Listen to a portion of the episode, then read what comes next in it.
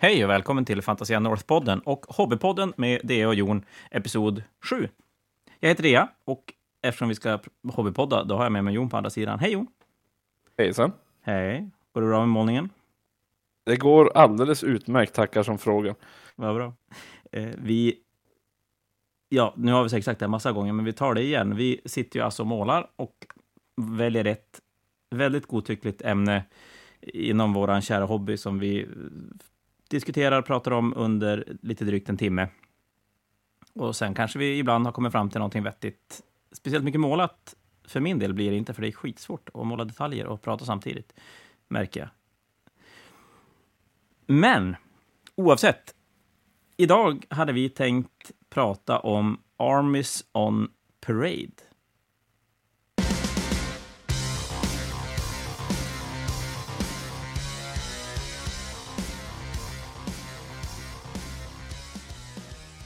Och varför ska vi prata om Armies on Parade? Ja, men det ska vi komma till alldeles snart. Mm. Men först måste vi prata om vad vi målar. Alltså, det är ju som ett jävla... Oj, vad heter det när man bara upprepar varandra hela tiden? Eh, men i alla fall. Jag målar systrar. Men vänta nu, jag målar Paragon Warsuits. Oh, oh, big surprise. Ha, var det skitdåligt att måla här emellan? Det har varit otroligt mycket relaterat, jobbrelaterat, så mycket relaterat kring målning, men ingen egen målning. Så skitsamma, jag sitter och målar Warsuits. Eh, Jon, du målar Space Marines har jag hört. Jag målar verkligen Space Marines. Nu målar jag mycket Space Marines. Jag målar fem Space Marines på sam samma gång. Och som, inte som vanligt, men som tanken är så kommer det finnas lite bilder på, på Instagram, eh, på Fantasia North Sweden, där ni kan se lite grann vad vi har gjort för någonting. Eh, jag tänker mig att efter helgen kommer det dyka upp lite bilder på hela Jons spektakel, för Jon målar då sina Space Marines till Store Championship som är imorgon. Och eh, där lär det bli taget lite bilder in action och på någon typ av Best in Show-bord eh, också. Gissar jag. Det här var ju illa, det här var illa för nu har du outat mig det, så nu måste jag ju hinna färdigt med det. Jajamän. Eh, och det kommer även bli en typ av Best in Show på Store Championship, hade jag tänkt, utan att jag har sagt någonting om det. Så ska det få bli en liten sån där överraskning när vi väl är på plats, en ganska enkel omröstning där folk får rösta på snyggaste armé. Men, vilket, du ligger ganska bra till kanske, eller? ah, det finns Kanske, någon. men vi har ju Philips tyrannider. Ja, fast han lånar ju mina tyrannider dem. också. Ja, då ganska blir det lite mycket, svårare kanske. Ganska mycket av mina tyrannider, så att det kommer att vara väldigt kvalitetsskillnad. Hans lila delar kommer att vara mycket snyggare än det andra. Ja, det, det, du har målat kommer ju faktiskt göra att hans andra ser väldigt dåligt ut. Så Exakt, blir, jag önskar att det var det så. Blir så. Det är inte riktigt så, men det var en annan femma. Men oavsett, det kommer att komma ut lite bilder från turneringen. För vi ska som sagt spela 2000 poäng 40K enligt Arcs of Omen, som ni kan gå in och lyssna på ett avsnitt vi har i, från i förrgår eller någonting, där vi snackar om den. Vi har lite fel, men det får ni leva med. Eh, så att det blir spännande att se vad den gör för 40K och kul att få vara igång och spela 40K på det nya året. Men, tillbaka till Armies on Parade. Ja, Jon, varför har vi Armies on Parade-snack idag? Uh, för att uh, Fantasia North ska ju faktiskt ta och hålla en Armies on Parade inom en snar framtid. Du, du, du. Ja, det ska vi. Och då börjar vi väl med, vad är Armies on Parade? Det är någonting fantastiskt roligt. Det är ju när man faktiskt målar eh, snygga arméer och eh, ställer ut dem då på ett eh, displaybord som man också bygger och målar. Så man får både sin armé och miljön runt omkring dem att ställa ut. Så det blir en väldigt annorlunda eh, målartävling jämfört med kanske en målartävling där man bara har en modell och spendera 100 timmar på den. Nu får man istället ta 100 modeller och spendera en timme på vardera. Ja, det blir lite annorlunda och sen tänker jag att i ett sånt här sammanhang så blir ju helt plötsligt själva, som du sa, diorama display-tray-byggandet ganska viktigt också. Mm. Det är ju väldigt stor skillnad på att bygga terräng och måla terräng snyggt jämfört med att måla en ensam liten modell snyggt. Oh ja, oh ja. Ja, men alltså det är tekniken man använder för att måla den där terrängbiten. Det är ju som ingenting man kan applicera på figurer om man ska försöka få det någorlunda vettigt.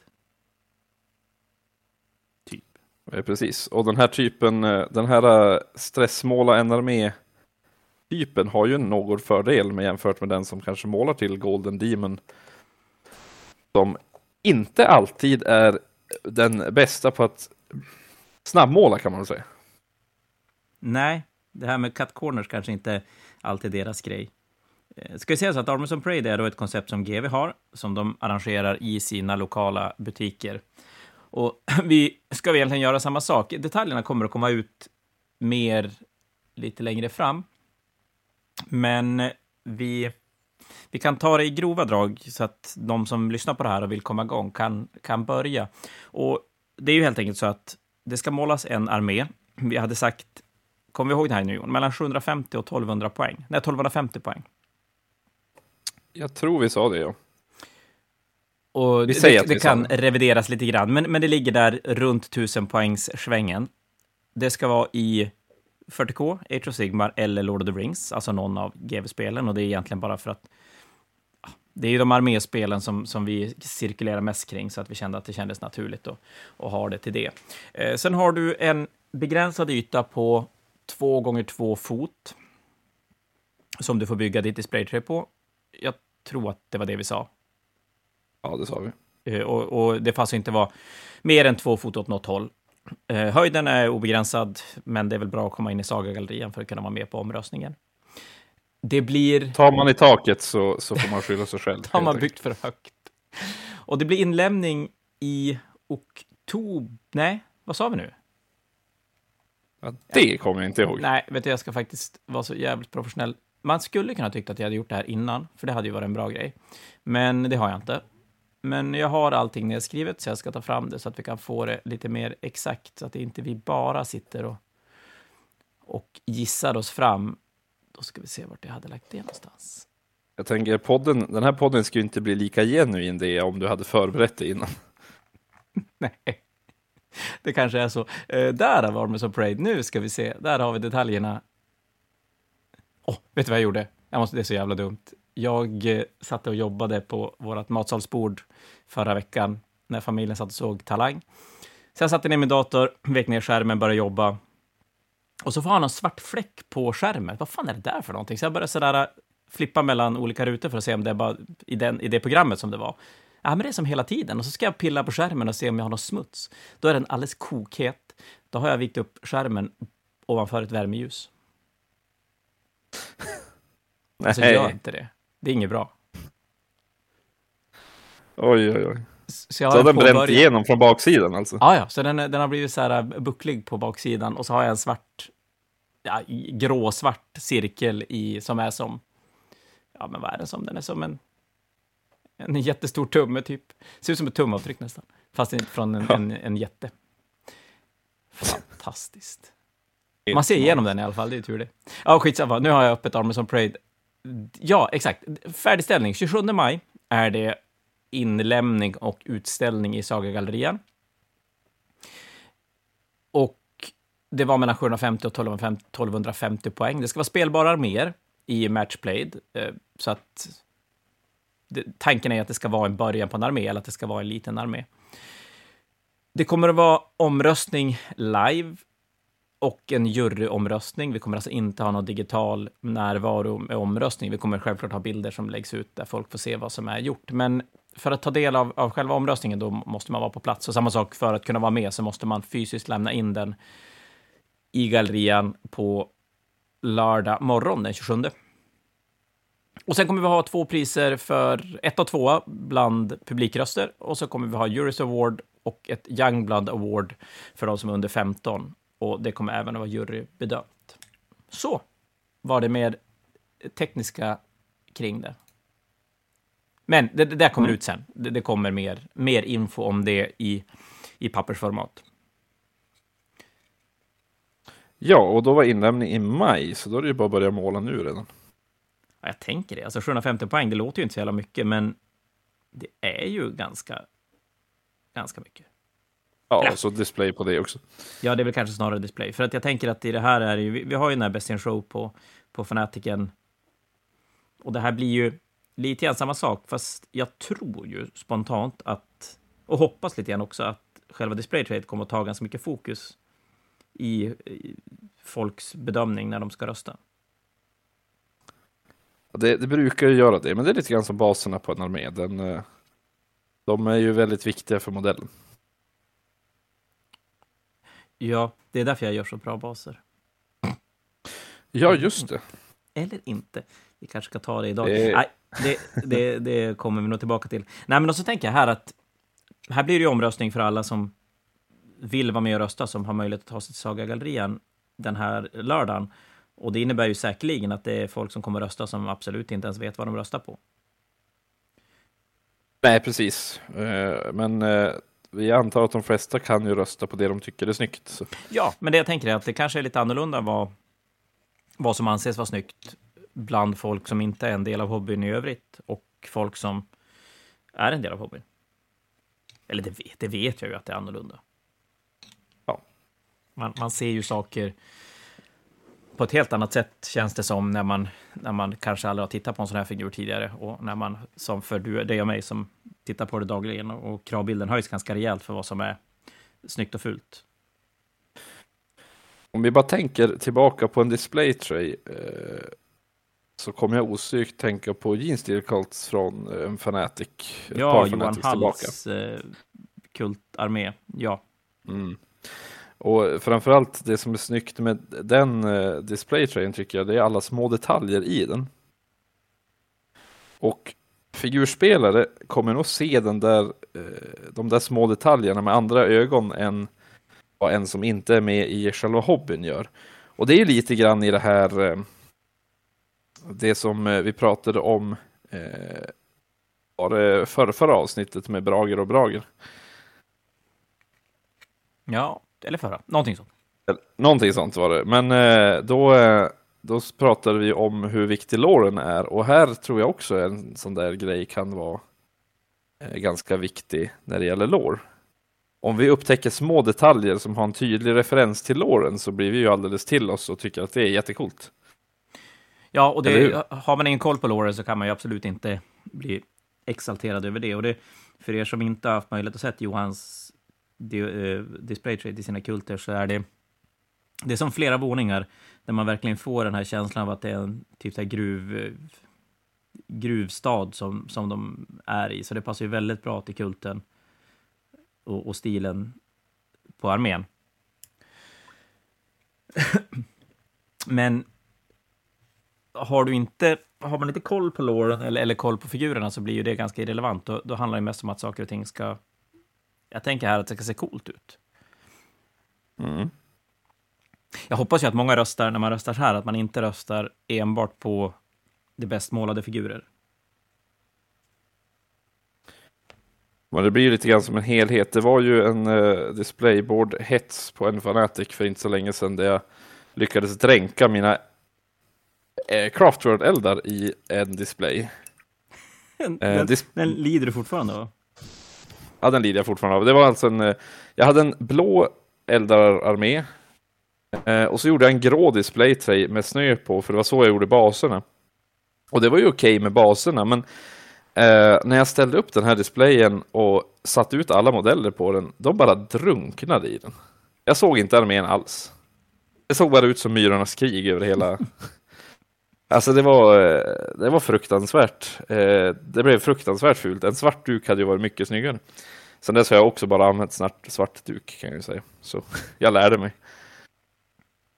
Det är ju frågan om man, om man ska ge sig in i en sån här tävling, Armors of Parade, för att vi har ju aldrig fått chansen att, att vara med under själva tävlingen eller under snacket under målandets gång, eftersom det närmaste vi har haft är väl Stockholmsbutiken som har haft Armors of Parade jag gissar att de har haft det i alla fall, jag ska inte säga att säkert att jag vet det, men så då missar man ju rätt mycket kring hur folk resonerar när de bygger. Om man, om man bara tar sin armé och så bygger man vidare på den, och, eller man tar sin redan målade armé och bygger en display tray till den. Eller om man gör ett projekt specifikt till en sån här grej. Och, och det är klart, det gör väl också ganska stor skillnad. Ska man göra ett specifikt projekt till Amazon Parade, då är det nog dags att köra igång rätt snart, tänker jag. Ja, då är det bara att köra. Eh, men hur gör man då? Eh, ja, vart börjar man? Ja, Vi först och främst så man- måste man väl få... Ja, men ponera att man, man gör nå- ska starta ett nytt projekt. Vi har faktiskt, ska jag säga det, Fantasia North har ju en Patreon som man kan välja att vara delaktig i.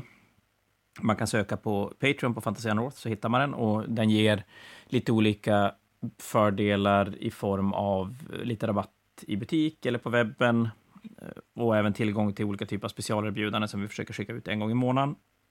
Kan hända att vi ibland missar det för att det är mycket annat, men ambitionen är att det ska dyka upp ett erbjudande en gång i månaden. Och det, det kan vara väldigt blandat. Det har varit att vi har delat ut gratis färger från ett äldre färgsortiment. Det har varit rabatter på vissa delar av produkter och sådär. Och i, nu blir det väl då januari och februari, så tänker vi göra en så, sån grej, ett lite... Du behöver inte vara med i Armies and Parade för att få ta del av erbjudandet, men du kommer få 20% rabatt på ett köp. Eh, och för att få det så behöver du lämna in en typ av plan till det du ska köpa. Alltså antingen att man lämnar in någon typ av armélista för någonting man ska bygga eller att man gör en, har gjort en testmodell för en arméprojekt man ska måla. Eller någonting sånt. Gick det att förstå? Ja, det gick att förstå. Bra. Eh, Och det sitter ju lite ihop med Arms and Parade, så att tanken är ju då att man, man ska sitta hemma och pula ihop någon cool idé, göra någon mockup, antingen i bild eller i, i att man gör en testfigur eller sådär. Och så sen har man då möjlighet att köpa grejer till det, om det är dioramagrejer eller figurer eller vad det är för någonting, så, och få lite rabatt på det. Eh, må vara, tillbaka till hur ska man börja? Ja, precis. Idé. Vart, vart ska man börja? Ska man börja hitta en armé som man vill bygga eller ska man försöka komma på en cool display tray som man ska bygga en armé på? Jag tror att här finns det nog ingen rätt och fel. Det är väl som eh, alla sätt man kan få inspiration på.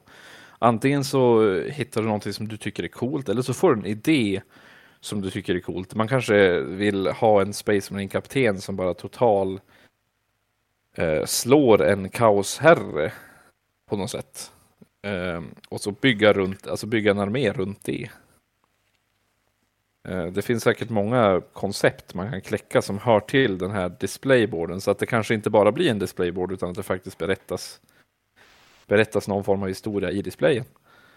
Men det väl ganska coolt att göra i och för sig, att, att kunna ha ett... Att hitta en balans mellan ett diorama och en armé display tray. För det är klart det är lite skillnad, eller ja, det är väl i sig inte en skillnad, men diorama tänker jag en... Eh, om jag säger ordet diorama, då tänker jag om en händelse som utspelas i ett, vid ett viss tid, och man har fryst den där, och det är det man tittar på. Medan ett display tänker jag mer en armé som står på en yta som passar till armén. Det kan ju självklart vara en armé som promenerar fram och sen blir taget ett foto av vid just ett visst tillfälle. Men lite skillnad tycker jag väl kanske det är ändå. För mig skulle ju Arms on Parade vara kanske mer dioramahållet, där man på något sätt får in en historia i, i ett display tray, än att det bara är en, en, en terrängbit man ställer sin armé på. Ja, och det är det som eh, Johan lyckades väldigt bra med sina jeansdealers. Liksom. Det var detaljer i displayen som gjorde att man bara ville titta vidare på den. Jag kommer ihåg, nu kommer jag fortfarande inte ihåg vad den här snubben heter, men det, det finns ju en, men helsike, det här borde jag ju kunna. Han är, jag tror att jag har suttit här exakt likadant i en poddavsnitt tidigare och funderat över vad den här snubben är. En figurdesigner. Han var målare från början hos GV och så började han göra figurer och så sen har han gjort Le Martes till och som är skitful, så han var ingen bra figurdesigner. Jag måste googla och se om jag hittar vad han hette för någonting. Men han byggde rätt mycket dioraman som var med i White Dwarfen förr i tiden. Jag kommer inte ihåg hans namn, men jag, jag tror jag vet vem du snackar om. Alltså, när jag hör namnet kommer jag säga, jo men just det, han ja. Det är så jävla störande. Undrar om det här blir bra, bra radio. Men, nej, jag måste googla, nu ska vi se. Det jag googlar, det är eh, bra radio. Eh, Det är det bästa. Och då kan jag inte prata samtidigt för att jag är kille. Eh, Nice. Eh, Jag kan ju fortsätta att fylla i för dig. Eh, Men just det här med diorama. det som är grejen med diorama och eh, en display tray samtidigt. Det ska ju visa din armé, men kanske berätta en historia. Det man måste se upp för där, det är att det inte ska bli bara ett stort diorama. För på något sätt så ska det ju vara en spelbar armé och det är där utmaningen ligger lite grann. Vi måste ju ha en armé. Eh, men då får du helt enkelt berätta historien genom displayen. Ja, men exakt. Eh, jag hittar ju... namnet nu. Mike McWay, vi kommer tillbaka till det. Men ja, du har ju rätt, och det är frågan. Och det här är kanske någonting vi måste bestämma innan vi går ut på riktigt live med det här. Bör man kunna ta lös figurerna för att faktiskt spela med armén? Eh, det är egentligen så jag tänkte det för att det ska vara en, en, en spelbar armé, för att annars så blir det nog bara ett stort diorama. Ja, och det är klart, det blir, det blir lättare att bygga ett snyggt, en snygg Armies of Parade om du inte behöver ha med baserna.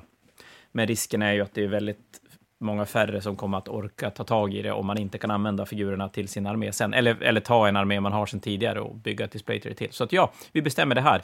Du måste ha baser på figurer som de sen ska kunna spela på så att man kan på något sätt ta lös dem från sin, från sin Armies of Parade-diorama och stå mm. på spelbrädan. För annars, annars kommer det nog bara bli ett diorama, liksom att man kan bygga ihop figurerna med displayen och då slutar det lite vara Armies of Parade och så blir det egentligen dioramatävling. Ja, och då tänker jag att då har, kanske vi inte har tillräckligt många som skulle vara intresserade av det i Umeå med, med omnejd för att jag förväntar mig inte att folk ska bygga, bygga sånt här långt bort ifrån och komma och lämna in det. Det verkar naivt på något sätt. Kommer att komma från USA, vet du, fullt. Ja. När, de hör, när, när de hör den här podden på svenska. Exakt, den här unika tävlingen som vi absolut inte har snott av någon annan. Eller? Kanske. Eller.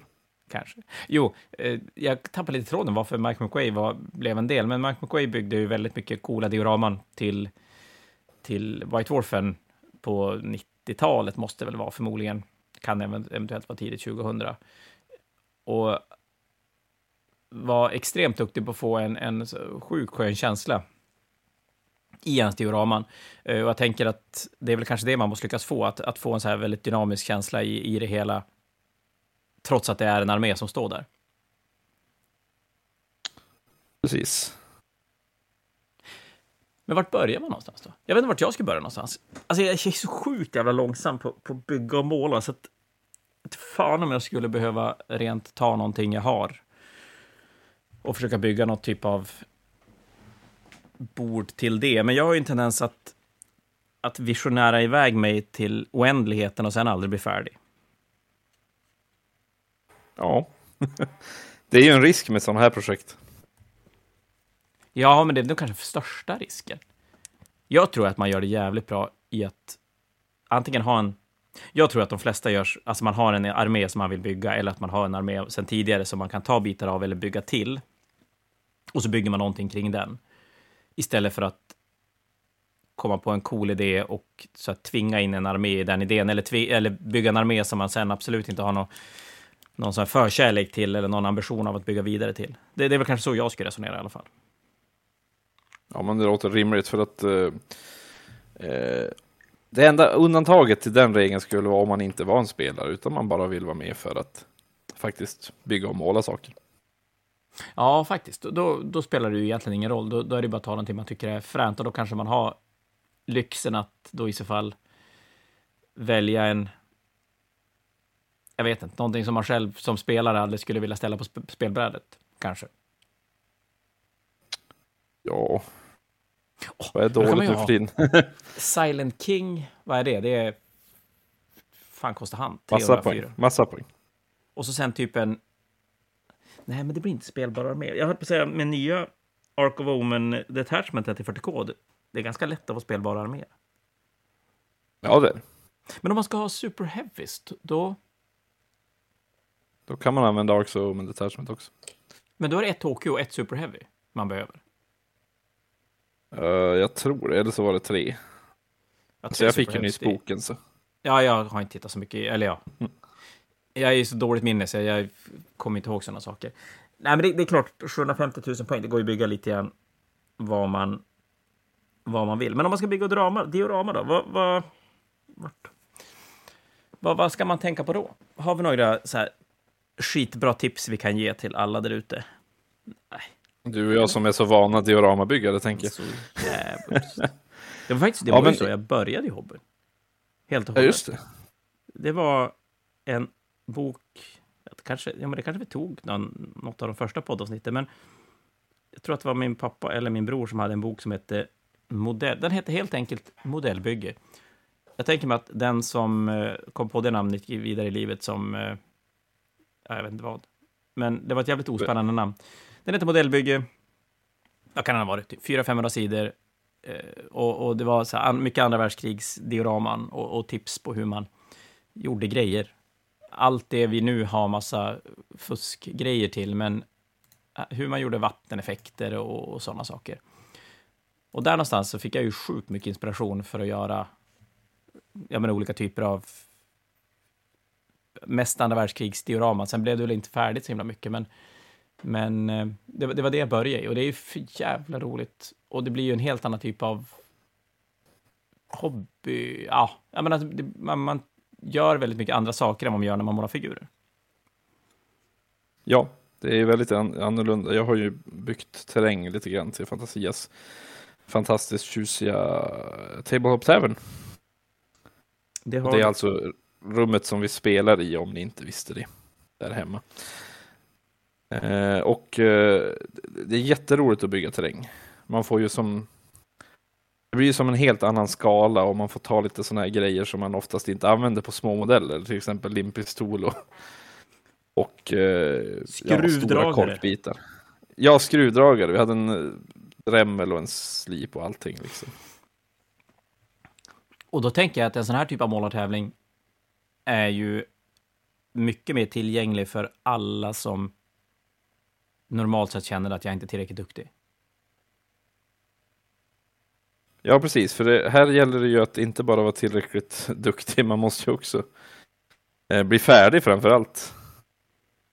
Du ska bli färdig, du ska ha en, en idé som funkar och jag tänker att även bland oss som kan, inom citationstecken, äh, men som är van att titta på figurer och ha en kravbild som är annorlunda än, än en, en, en glad amatör som aldrig har pysslat med figurer, så är det ju andra saker som hamnar i fokus än detaljerna på ögonen eller baneren. Och, och det, går- det går att göra så mycket mer som fångar ögat som kanske egentligen inte behöver vara så himla snyggt.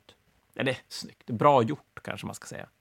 Eller bra gjort kan man säga, jo men det kan man säga. Ja, kan man säga effektivt gjort. Ja, men typ. Ja, men alltså det... det... Jag vet inte riktigt hur jag ska förklara det, men... men eh, det... Oavsett så blir detaljrikedomen inte lika viktig och, och jag tror att många fler kan göra coola eh, skyttegravar eller vad det nu kan vara för någonting. En som kan sitta och måla en, en hjälte till en sån där extrem kvalitet som behövs för att det ska sticka ut i en, i en tävling där man ska måla snyggast.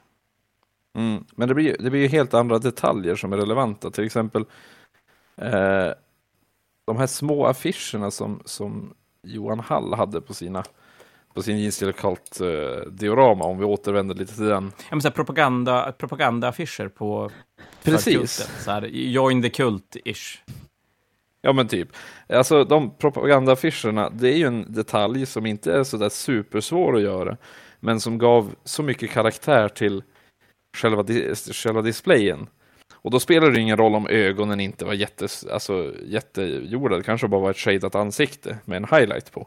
Så ögonen var knappt gjorda, men likväl, eh, det var detaljerna i displayen som vart i större fokus än de enstaka detaljerna på modellen. Lyssna här på vad man ska göra för att verkligen ta hem det. Deathcore och krig. Och så göra så här superklassisk första världskrigs eh, eh, skyttegravs eh, krigsföring. Ska man till och med ta när de går upp och eh, firar, eh, hälsar varandra en god jul.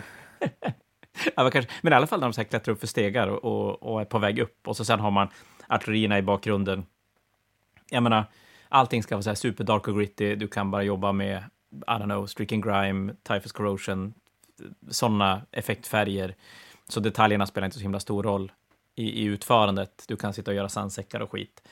Och för de som inte är involverade i 40K och liknande så alla kommer ju ha en igenkänningsfaktor i det.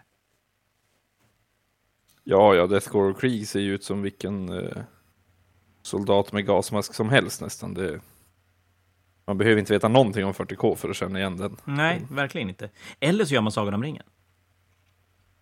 Ja, den är ju kanske lite mer mainstream om man säger så. Ja. Eh, en, en, man, man, nackdelen där är att ska man ta någonting från filmerna så då har ju helt plötsligt folk någonting att jämföra med. Men jag tror ju fortfarande att får folk se ett live-diorama från Sagan om ringen, eller får se ett diorama live, jag kan inte prata, får se ett diorama live från Sagan om ringen så är kvaliteten på utförandet sekundärt, har jag en känsla av. Alltså om man tittar på mycket i Sagan om ringen, eh, särskilt de nya kitten nu, så finns det ju jättemycket snygg terräng framför allt, som har Ja. hög igenkänningsfaktor. Så där säger sa du nog faktiskt en ganska vettig grej. Ja, jag Eh, är full av dem.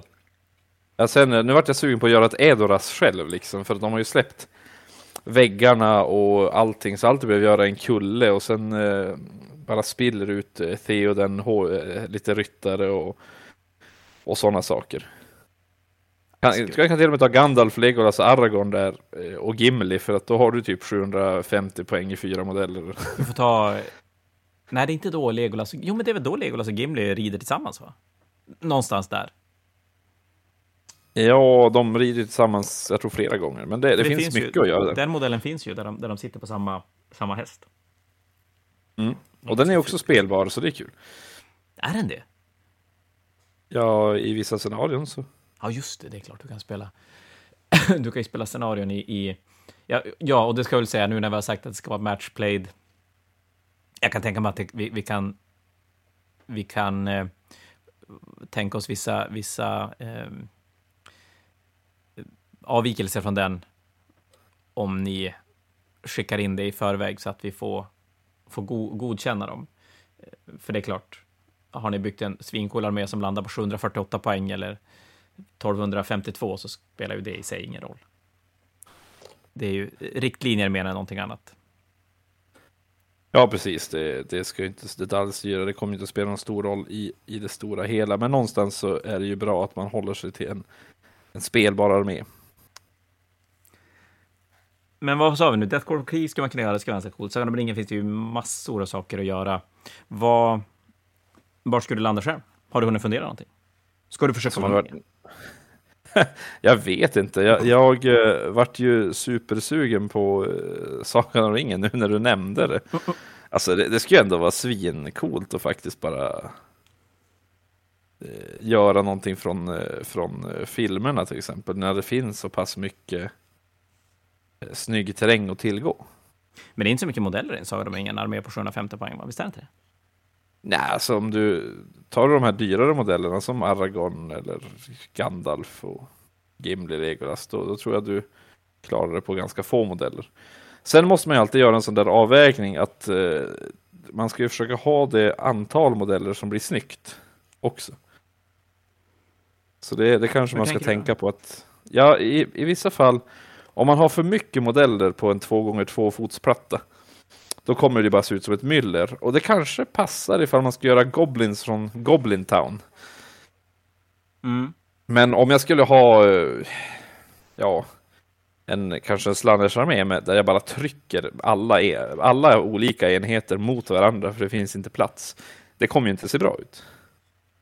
Är det här någonting man kan använda när man ska tänka om man vill måla en armé som ska, ska se bra ut också? Eller ja, det här... Nej, jag, jag, vi går tillbaka till Armor. Vi pratar inte armé så, utan arms on Parade. Men ja, du har ju en tanke där att blir det lite samma sak av för få modeller också? Eller kan man fixa för få modeller lättare med omgivning och eh, sådär, hur de passar in i det ramet?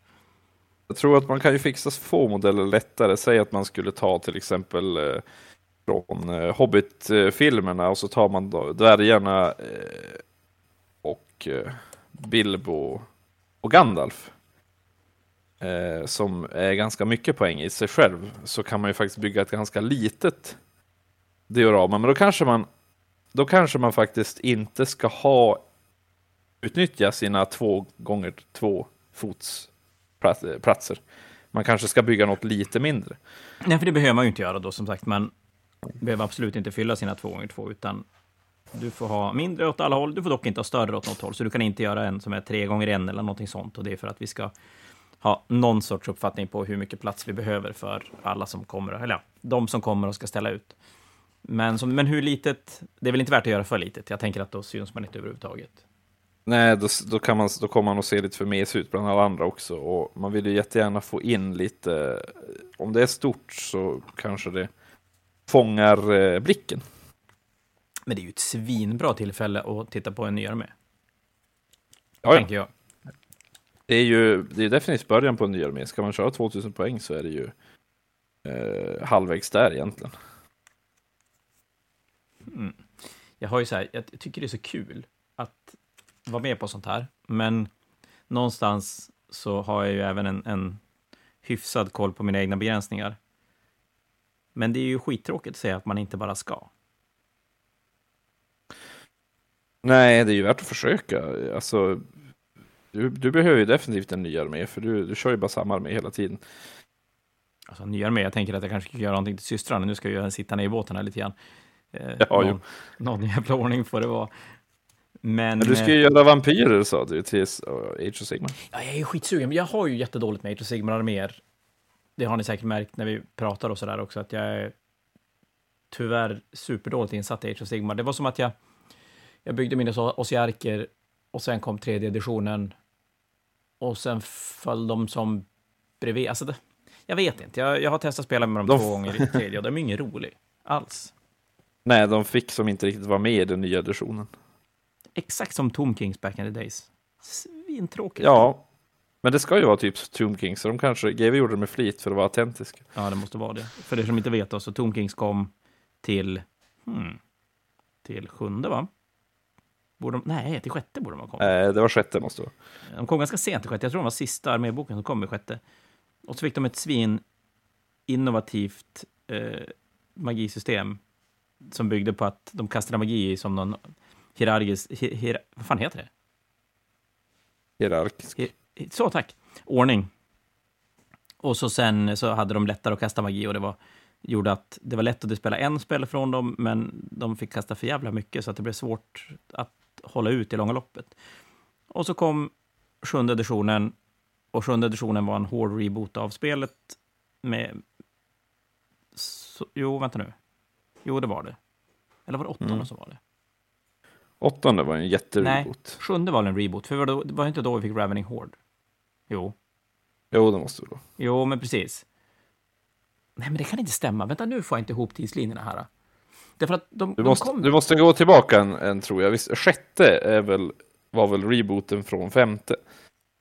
Som ingen gillade, och så gick ja, de tillbaka i, just det. i sjunde. Är det så att, var det i sjätte vi fick Ravening Horde av? Ja, det måste det ha varit. Så kanske det var. Men, men då måste ju vara så här, nu har jag säkert skitfel, men Tomb Kings fanns ju som en White Dwarf-armé och så fick de en egen bok. Och så fick de, och det här var under magisystemet, jo, precis, det här måste vara sjätte, för det här var magisystemet när du hade kort. Nej, alltså gud, vad dåligt det går för mig nu. Jag har haft feber i två dagar, så att ni får ursäkta. Uh, vi kan ju nej. ändå komma till poängen utan att nämna exakt vilken edition det är. Okej, okay. Fast det är inte lika roligt. Då svamlar jag inte lika mycket. Men eh, skitsamma, i alla fall. De hade då ett system där du kastade magier med... Undrar om du bara slog en tärning. I alla fall, du fick kasta mer magier än vad du kunde göra med en vanlig armé, men du var tvungen att kasta dem i en viss ordning och det var väl lite lägre power level på magien också, vill jag minnas. Men du kunde affektera, undrar om du kunde kasta flera, samma spel flera gånger som också blev en jättefördel. Så att du på något sätt sög ur dispel från din motståndare. Och, och, till slut så hade de inte kvar några, eller fick så här, ska jag spendera två tärningar för att dispella en? Jo, men så här var det ju nu. Att det var ju på den tiden när man slog, man fick dispel power dice och dispel dices. Och så sen använde jag x antal power dices för att kasta en magi. Och sen skulle du välja x antal dispel dices för att slå lika mycket eller över, lite grann som 40K ser ut nu. Och så fick du lite bonusar tror jag om du hade högre level på din magiker. Men Precis. Tomking slog en tärningsmagier. Och då var det så att då kunde de rulla då på en tärning, rulla en fyra. Och ville du dispella den säkert, ja då slog du två tärningar och var nästan hundra säker med att ta bort den. Men en tärning och rulla 4 plus, eller kanske 5 plus till och med, det, det är ju inte alls säkert. Och det gjorde att dina tärningar tog slut ganska fort, medan Tomb Kings kunde fortsätta kasta magi. Okej, vi tappar lite spåret. Men sen kom det en ny edition, och då blev det massa nya magiregler som overrulade Tomb Kings magiregler, så helt plötsligt fick de inte göra massa extra mycket magi och kasta samma spel flera gånger på samma enhet. Så att hela deras magisystem är ganska kack. Och har inte Ossiarken hamnat i exakt samma grej? Ja, nu, nu när nya editionen handlar eh, mycket om, om command points och command abilities som alla fick eh, tillgång till. Och så har du Ossiarkerna som har sitt eget command point system med sina egna command abilities och sina egna regler för deras command abilities. Och så får de inte använda de generiska. Det gör ju att de missade egentligen hela editionen. Ja, och det var det jag lite kände när man spelade, att så här, eh, skulle demospela, jag kommer inte ihåg vad, var det med dig?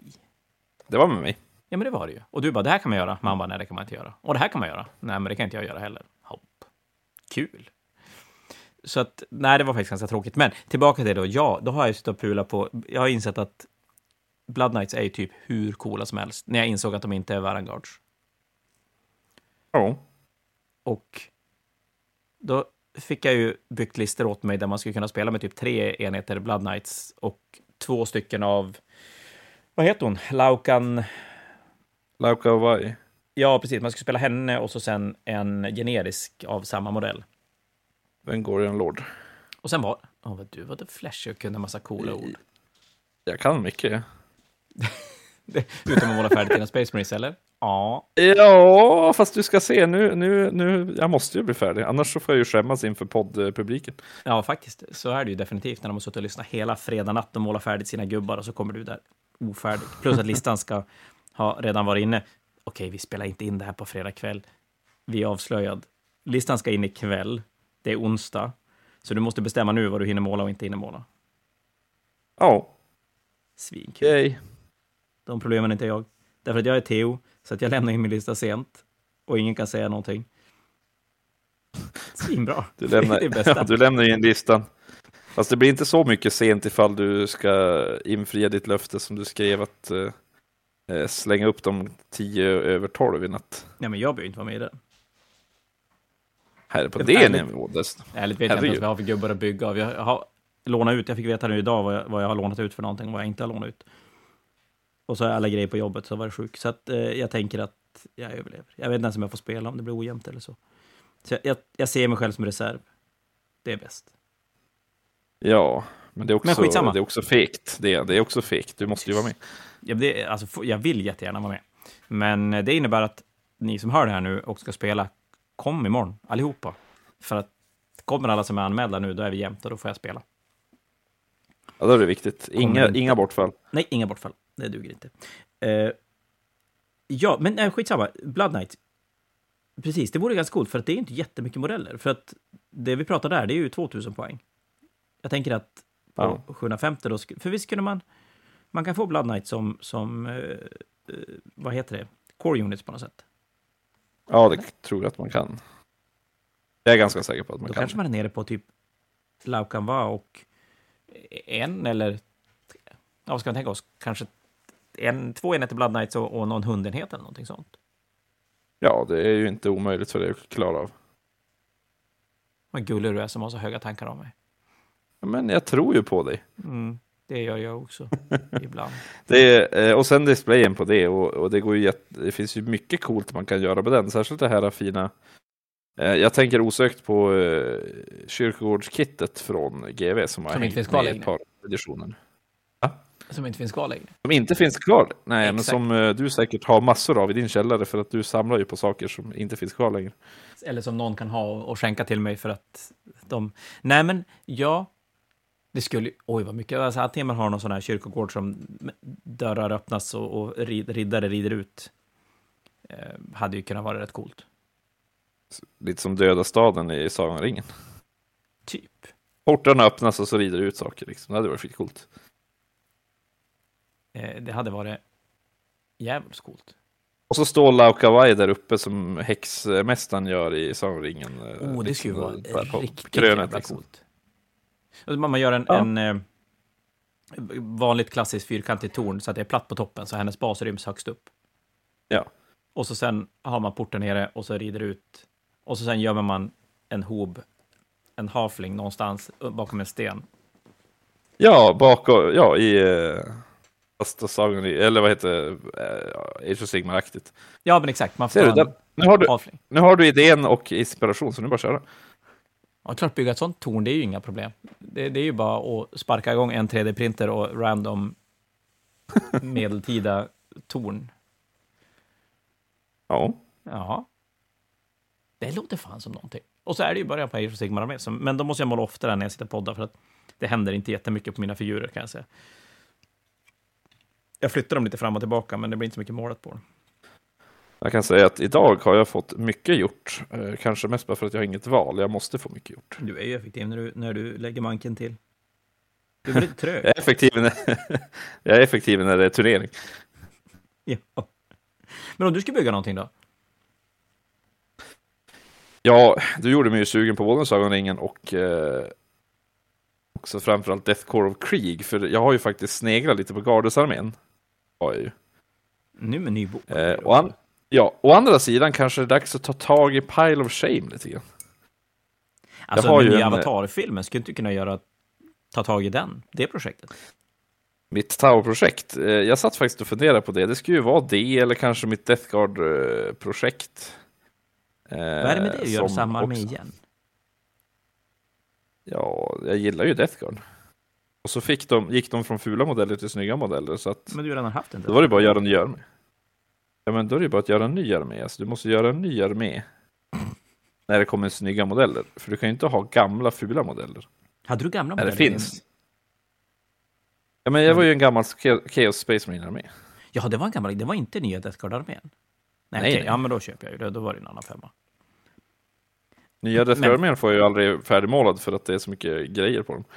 Fortfarande, om vi pratar om att man ska göra en armé som ska försöka locka gemene man, då måste ju ändå ditt Tau-projekt vara som är gjort för det.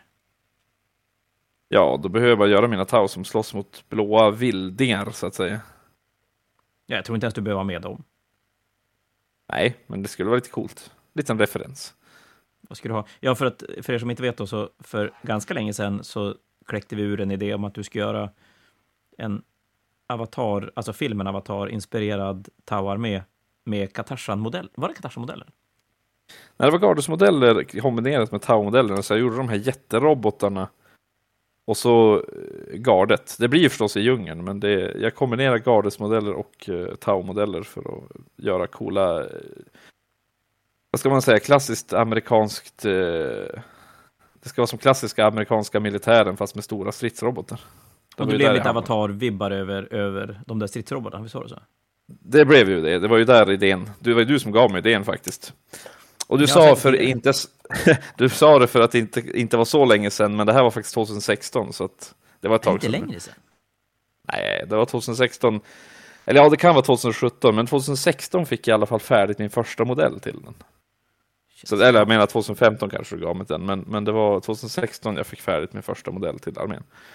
Och sen dess har det inte hänt jättemycket. Nej, det är väl en sån där idé som kanske hade lite svårt att hitta sin plats någonstans. Att, Ja, att, att, är att, det se, att se den bli färdig. Mm, och så är det ju, jag är ju som jag är också. GW släpper någonting nytt och då hoppar jag på det direkt. Så Det är att, eh, det är svårt att hålla sig till ett projekt. Liksom. Men du gör det inte för att det är mest brutet i alla fall. Nej, det gör jag ju inte. Min, min Space Marine armé som jag snart är färdig med, hoppas jag, eh, är... eh, Vad är den har överlevt. Den var ju jättedålig när jag började med den. Sen blev den totalt knäckebruten. Sen blev den ganska bra och nu blev den lite halvdålig igen och sen gjorde den en liten comeback. Och nu är vi här igen med väldigt sänkta priser på dem så att jag Ja, vet inte om de är så Jag bra längre. Men, vart de är någonstans. men de, de har ju varit lite upp och ner medan jag har målat på dem kan jag säga.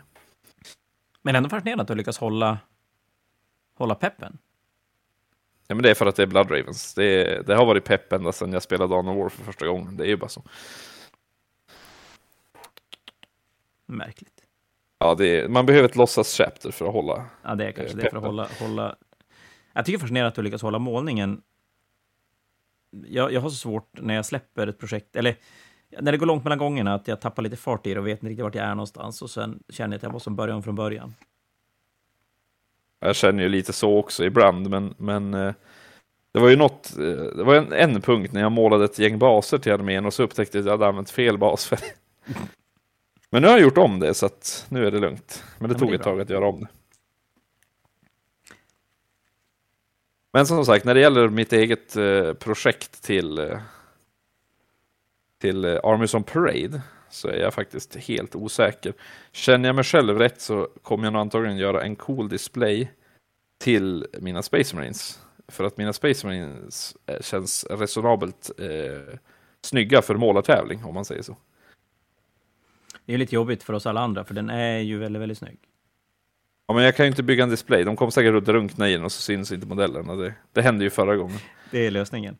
Och sen tror jag kanske att det är en sån armé som man kan fånga röster av den genom att göra lite mer allmängiltigt projekt. Typ någon Sagan om ringen eller, eller någonting som folk relaterar till lite bättre. Jo, som sagt, det, det skulle vara kul. Det skulle vara jätteroligt att göra ett Sagan om ringen-projekt. För att jag är jätte... Alltså jag, jag är ju inte den mest Sagan ringen-taggade rent på spelet och allting, men, men jag är faktiskt supertaggad på terrängkitten till Sagan ringen. De är jättesnygga. Ja, det är otroligt snygga terrängkit, är det. Eh, och vi ligger ju, Fantasia, för er som inte vet, det ligger i en galleria, så att tanken vi har med det här, det är ju att det passerar folk till andra butiker i gallerian som kanske kan tänka sig att stanna och kika lite grann och lägga sin röst när man väl står och tittar. Så att vi får, sen, sen kommer vi lägga ut bilder så att alla som inte har möjlighet får titta i alla fall. Men eh, vi, vi insåg själva att det blir väldigt svårt att ha någon typ av online-omröstning på den här typen av tävling. Ja, man måste vara där och insupa atmosfären sen. Ja, men faktiskt. Jag tror att, eh, och förhoppningsvis är det ju sådär många projekt kanske inte riktigt gör sig på bild om man inte får ta bilder från flera håll eller att man kanske missar detaljer om man inte får kika ordentligt och sådär. Så att, Mm. det, det tror jag blir, blir eh, svinbra faktiskt. Har du något mer man kan säga om det där då? Eller? Jag vet inte om jag har sagt något så mycket. Jag vet inte om jag har sagt så jävla mycket. Ja, vi har ju mest försökt hitta namn på eh, gamla gubbar från 90-talet och, Som vi sen inte Eh, pratar vidare om. och vampyrer. Men, men eh, Vi kan väl göra det bara för att då har vi pratat om någonting vettigt, rimligt. Mike McQuay hette han. Han var heavy metal-målare. Jag vet, jag har försökt leta hans namn en gång tidigare i ett avsnitt också, så nu, nu tar vi det här. Han var heavy metal-målare på 90-talet och skrev fruktansvärt duktig på att måla då. Han har bland annat målat... Han, han har nog varit den som har gett mig en av de största besvikelserna i figurhobbyn någonsin. Faktiskt. Och det var... Ja, det är ju en jättedum grej. Men i alla fall, när Green Knight kom, ni som inte har sett Green Knight, så är det en Bretonia-figur som kom någon gång 90, vad kan det vara, 97, 98 kanske, när Bretonia kom.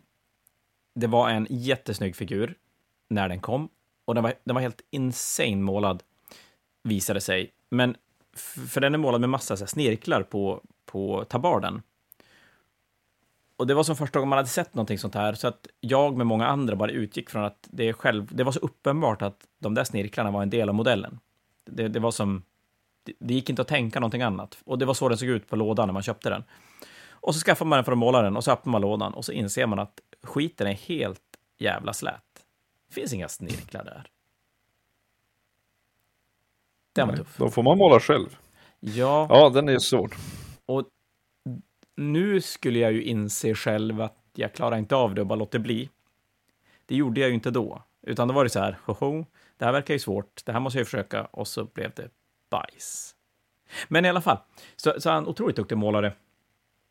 Och på slutet så målar han inte så mycket figurer till arméer och grejer, utan han målade rätt mycket dioraman. Han har gjort bland annat, det ni kanske känner igen mest, ni som lyssnar, är väl förmodligen Horus dioramat mellan kejsaren och Horus. Och en död Saginius som ligger på trappan. Det är nog kanske hans mest välkända. Han har även gjort ett Warmer Quest-diorama där man, man ser det är som korridorer. Men tänk er gamla 8-bits Nintendo-spel, typ eh, Castlevania. Eh, ur, ur den synvinkeln. Och så är det massa rum som det går hjältar igenom. Och så sen har han även gjort en Exodite Dragon Knight när den inte fanns. Alltså det är alver på ödlor som man kunde spela med tidigare, men aldrig har fått modell. Som han byggde av en Cold War Knight och något diorama som var jävligt coolt. Eh, sen gick han vidare och blev skulptör för GV och var sämst på att göra figurer. Vilken besvikelse igen alltså. Ja, eh, han gjorde bland annat då, som jag nämnde där i början, Lemartes, första Lemartes-varianten. Ni kan googla den, den är svinful. Han gjorde även Space Marine, nej vänta nu, Space Wolf Scouter. Första utgåvan av Space Wolf Scouter. Nej, inte första. Men... heller. Nej, de är inte fula. Ja, whatever. Det var en, en, en bredvid-grej. Men då har vi i alla fall fått prata om han som jag aldrig kommer ihåg namnet på. Mm. Jag ska försöka komma ihåg den nästa gång du... Ja, Mike McQuaid nämna ska man ju komma ihåg. ja, det är ju ingen snack om det ska man det. Ja. Uh, man är ju välkänd, så, ändå uh, väldigt välkänd och jag tror att han har shapat upp sitt figur. Han, jag tror att han har eget företag och gör figurer, tror jag. Jo, alla måste ju börja någonstans. Så är det ju faktiskt. Mm. Men just det här med dioramabygge är ju det som både kan eh, kanske rädda en del på, på en sån här tävling än, och skälpa vissa andra. Nu tittar jag på mig själv mest kanske. Men det gäller nog att hitta de enkla medlen och där har vi lite så här tips. Det, den här akvariekorken är ju en dröm om man ska bygga dioraman för att få lite höjd på det. Det blir jättefina klippor och stenar. Mm. Jag har även sett eh, jävligt coola resultat när... av eh, fogskum. Ja, det är sant. Då har man lite att... mer kontroll över formen. Ja, men precis. Sån här expansiv som man använder för att isolera runt fönster och grejer. Ska också vara bra att använda. Och sen gäller det verkligen att, att ja, men öka sizen på penslarna och grejer när man målar och så. Det, det, det är lite, lite andra verktyg som behövs när man bygger. Precis, det går inte bara att ta, eller det går väl, men jag tror inte man hinner klart om man kör en detaljpensel. Och det blir ju inte så snyggt heller. Alltså drybrushing är ju, jag brukar inte tycka att det är så snyggt på modeller, men på terräng är det ju fantastiskt. Det är ju bästa, jag skulle säga att det är bästa tekniken på, på terräng, fortfarande. Ja, den är, den är jättebra. Det ser mest naturligt ut framför allt. Ja, så är det ju. Jag tänker att 3D-printen här också kunna komma, man, man ska kunna 3D-printa en del coola terrängbitar som man ska kunna använda. Vet du vad, det, det, det har inte ens jag tänkt på att du kunde förrän du sa det, för jag är ju fortfarande lite gammal gubbe av, av den rangen. Att, att det finns en... modern. jo, du är ju det. Uh, så jag hade inte ens tänkt på att man kan använda 3D-printers uh, för att printa terräng. Eh, och det roliga där är, först så tänkte jag bara, min första tanke var väl mest bara, ja, men det kan ju inte vara tillåtet, men sen inser jag vad är skillnaden på att göra det och köpa en terrängbit från ett företag liksom. Det Nej, den är, den är ganska liten faktiskt. Det ja. jag, till och med jag har ju landat i det när vi pratar turneringar och grejer, att tillåta 3D-print, absolut. Eh, dock inte tillåta rena kopior av andra företags figurer. Men det är av lag, lagliga skäl. Inget ja, det är ju en copyright-grej. Exakt, och det blir väl lite grann samma sak här, även det här är ju så, så, så, en liten tävling i, i sammanhanget, så det spelar kanske inte lika stor roll, men, men eh, nej. annars så måste ju gå och göra skitmycket coola grejer. Oh, annars får man köpa, vad heter de, Hirts art eh, gjutformar och gjuta gipstegelstenar och bygga sitt eget lilla, li, sin egen lilla helmstip. Printa tegelstenar och bygga hela helmstip brick by brick. Då hinner du inte måla figurerna visserligen. Nej, nej, det kanske man inte gör. Hur mycket figurer ska man ha förutom sin armé då? Du menar som fiendemodeller och sånt? Ja. Eller? Där tror jag att man tjänar på att vara ganska sparsam. Du vill ju aldrig ha lika mycket. Och jag tror inte att du bara, du vill nog inte ens ha hälften så mycket. Det, det är nog max lite grann. Max lite grann. Ja, det är en väldigt det tydlig var så jävla siffra. norrländskt. Det ska bara vara lite lagom däremellan också, då hade det varit helt hundraprocentigt. Nej, men du kanske Men jag har en tanke med det. jag tror att alla fiender ska du ha en tanke med och de, de ska nog vara en del av terrängbiten. Mer Ja, än separata precis. modeller. Ja, de, ska, de tillhör ju inte armén, så de känner jag, de ska väl inte alls stå på eh, separata baser och sånt. Nej, och, och där kanske man, ska man göra något sånt, då kanske man ska se till att, de, att du inte bara har limmat en gubbe och ställt, utan att du har faktiskt gjort någonting med den. Typ ett lik eller, eller vad det nu kan vara för någonting. Ja, Men de måste, de måste nog interagera lite grann med din armé på något sätt. Eh, För det finns ju väldigt många modeller som har dynamiska poser som man kan faktiskt få ihop med, med eh, fiendemodeller så att säga. Det ska nog inte vara ett problem.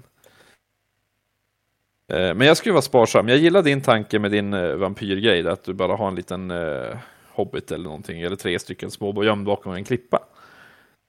Så att det blir som en detalj i terrängen. Och jag känner att man bör nog använda andra modeller till samma sak. Det ska vara en detalj i displayboarden snarare än en stor del i sig själv. Om ni förstår vad jag menar. Ja, jag tänker att nu, nu blir det så att de som, vi som är inne i hobbyn, vi kommer att jag, jag tror att vi mindre uppskattar att det helt plötsligt står en till armé där som, som inom situationstecken fiender. Det, det är kanske lättare att få sådana som inte har koll att rösta på och tycka att det är snyggt. Men för oss skulle det kunna bli som ett jag vet inte, som du säger, att antingen dränker man alltihop eller så blir det lite publikfrieri så man kan tycka att det blir lite löjligt. Det, det passar som inte in. Nej, och det, det värsta är att det brukar oftast inte passa in. Det är lite grann som eh, när man bygger arméer och har på baserna så kanske man har väldigt mycket Eh, fiender på basen. Eh, om man har för mycket så blir det ju lätt det blir rätt dumt. Eh, Jag minns att när jag var, när jag var ung, eh, jag tror jag var så ung så att jag typ praktiserade på Fantasia som 12-åring eller någonting sånt där. Då minns jag att du sa till mig eh, att Något smart. Jag tror, du- jag, jag, tror du sa, jag tror du faktiskt sa det till någon annan faktiskt, men jag, jag stod bredvid och hörde på. Men, men att, just att basen, det var någon eh, kid som hade egentligen dränkt sin bas i detaljer. Eh, så att allting på basen var som en egen eh, modell i princip. Och det tog ju så mycket fokus från modellen att det såg bara ut som ett enda stort kluster av grejer. Och jag tror man ska undvika det. Eh, det, det här uttrycket som jag egentligen avskyr, less is more, den är ganska tydlig när det kommer till både diorama och basning.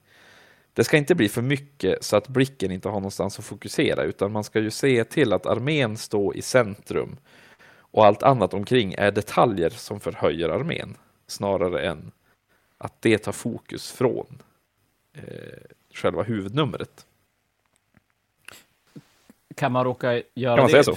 Ja, det, det lät vettigt. Det lät jävligt vettigt. Men då tänker jag att, tänker man i första hand då att man, till exempel när man gör baser, att man inte ska ha för mycket andra figurer eller figurattiraljer på baserna som gör att man tittar mer där än om man tittar på figuren. Men kan det bli samma sak med terrängbitar? Jag tänker att om du ska bygga ett sånt diorama att du... Om vi, om vi ska göra nu till exempel mitt... Jag ska ha Blood Knight som rider ur ett, ett, ett en borg eh, sådär. Kan det bli för mycket gjort på, inte att jag skulle kunna göra det nu, men att någon annan skulle kunna, att det blir för mycket fokus på själva borgdelen, att den, man, man ser typ inte figurerna på grund av det. Eh, inte om du bygger det på, på rätt sätt. Då, och då tänker jag att du kör ju, du skulle ha ett, vi säger att du har ett torn som Laukavaj står på. Då kommer hon vara längst upp, så hon kommer ju bli lite som ansiktet på en person. Man tittar Mm. ju inte på kroppen det första man gör när man träffar någon, utan man tittar ju oftast i ansiktet. Det, blicken dras naturligt till ögon och sånt.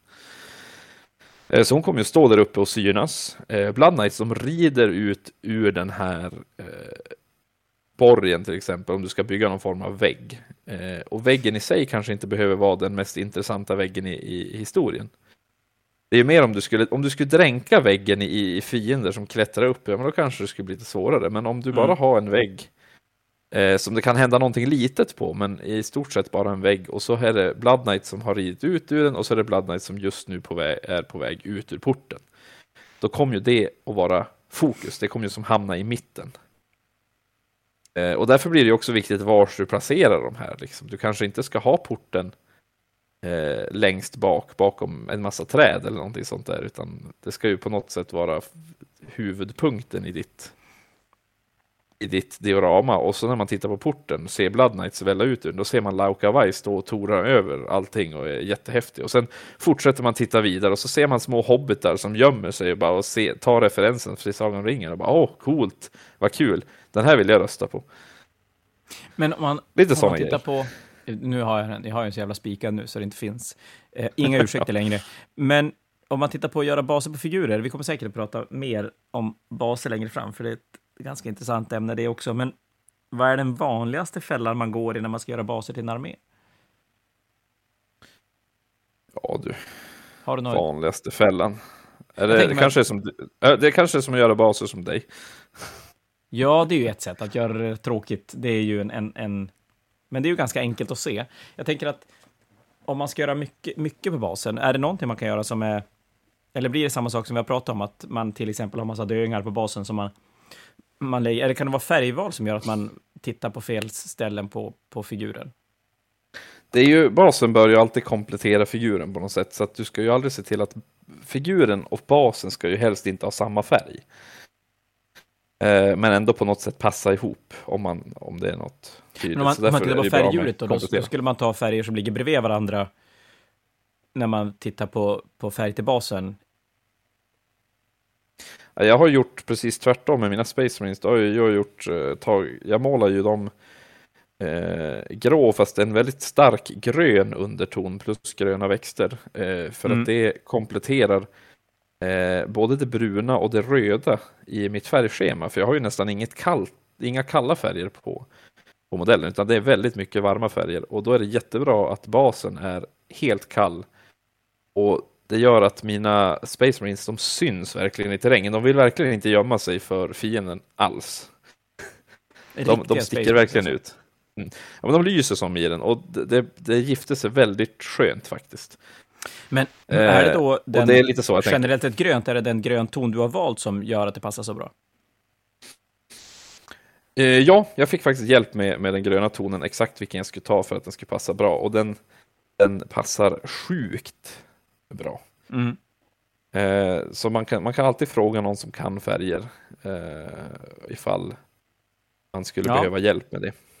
Det är ganska bra också när man gör baser på figurer, att man ser till att ha målat färdigt i alla fall en figur innan, man bestämmer hur basen ska se ut. Ja, man vill, ju, man vill ju ha koll på det, absolut.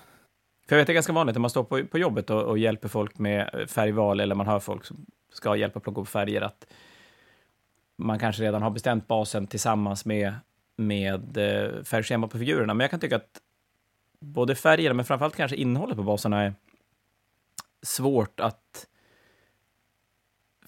veta hur det kommer att se ut när man inte har en färdig målad modell. Ä- Fast när man har som exakt vilka färger man vill använda. Ja, jag brukar ju alltid måla färdigt en modell innan jag bestämmer, bestämmer basningen. Nu har jag väl hållit på så pass länge att erfarenheten har gjort mig vis. Så jag kan redan från början inse vad som passar och vad som inte passar. Men oftast så kräver det ju ändå lite, lite att skruva. Man måste skruva i det helt enkelt och, och eh, tweaka på detaljerna och sånt innan det blir riktigt bra. Och så är det ju med alla grejer. Det jag tycker är riktigt lurigt, det är när man har arméer, jag kör Tyranniderna är verkligen en sån armé, där man har så himla mycket olika storlekar på baserna. Att man har rätt mycket smågubbar och så sen har man en del mittemellan och så har man stora figurer och det som det ska finnas en bas som sitter ihop, en tanke som sitter ihop genom alla storlekar och det ska funka på en liten bas och en stor bas. Det tycker jag är jättesvårt. Ja, det blir ju svårt och där måste man ju som tänka eh, lite tvärtom. Jag skulle nog tänka baklänges på den.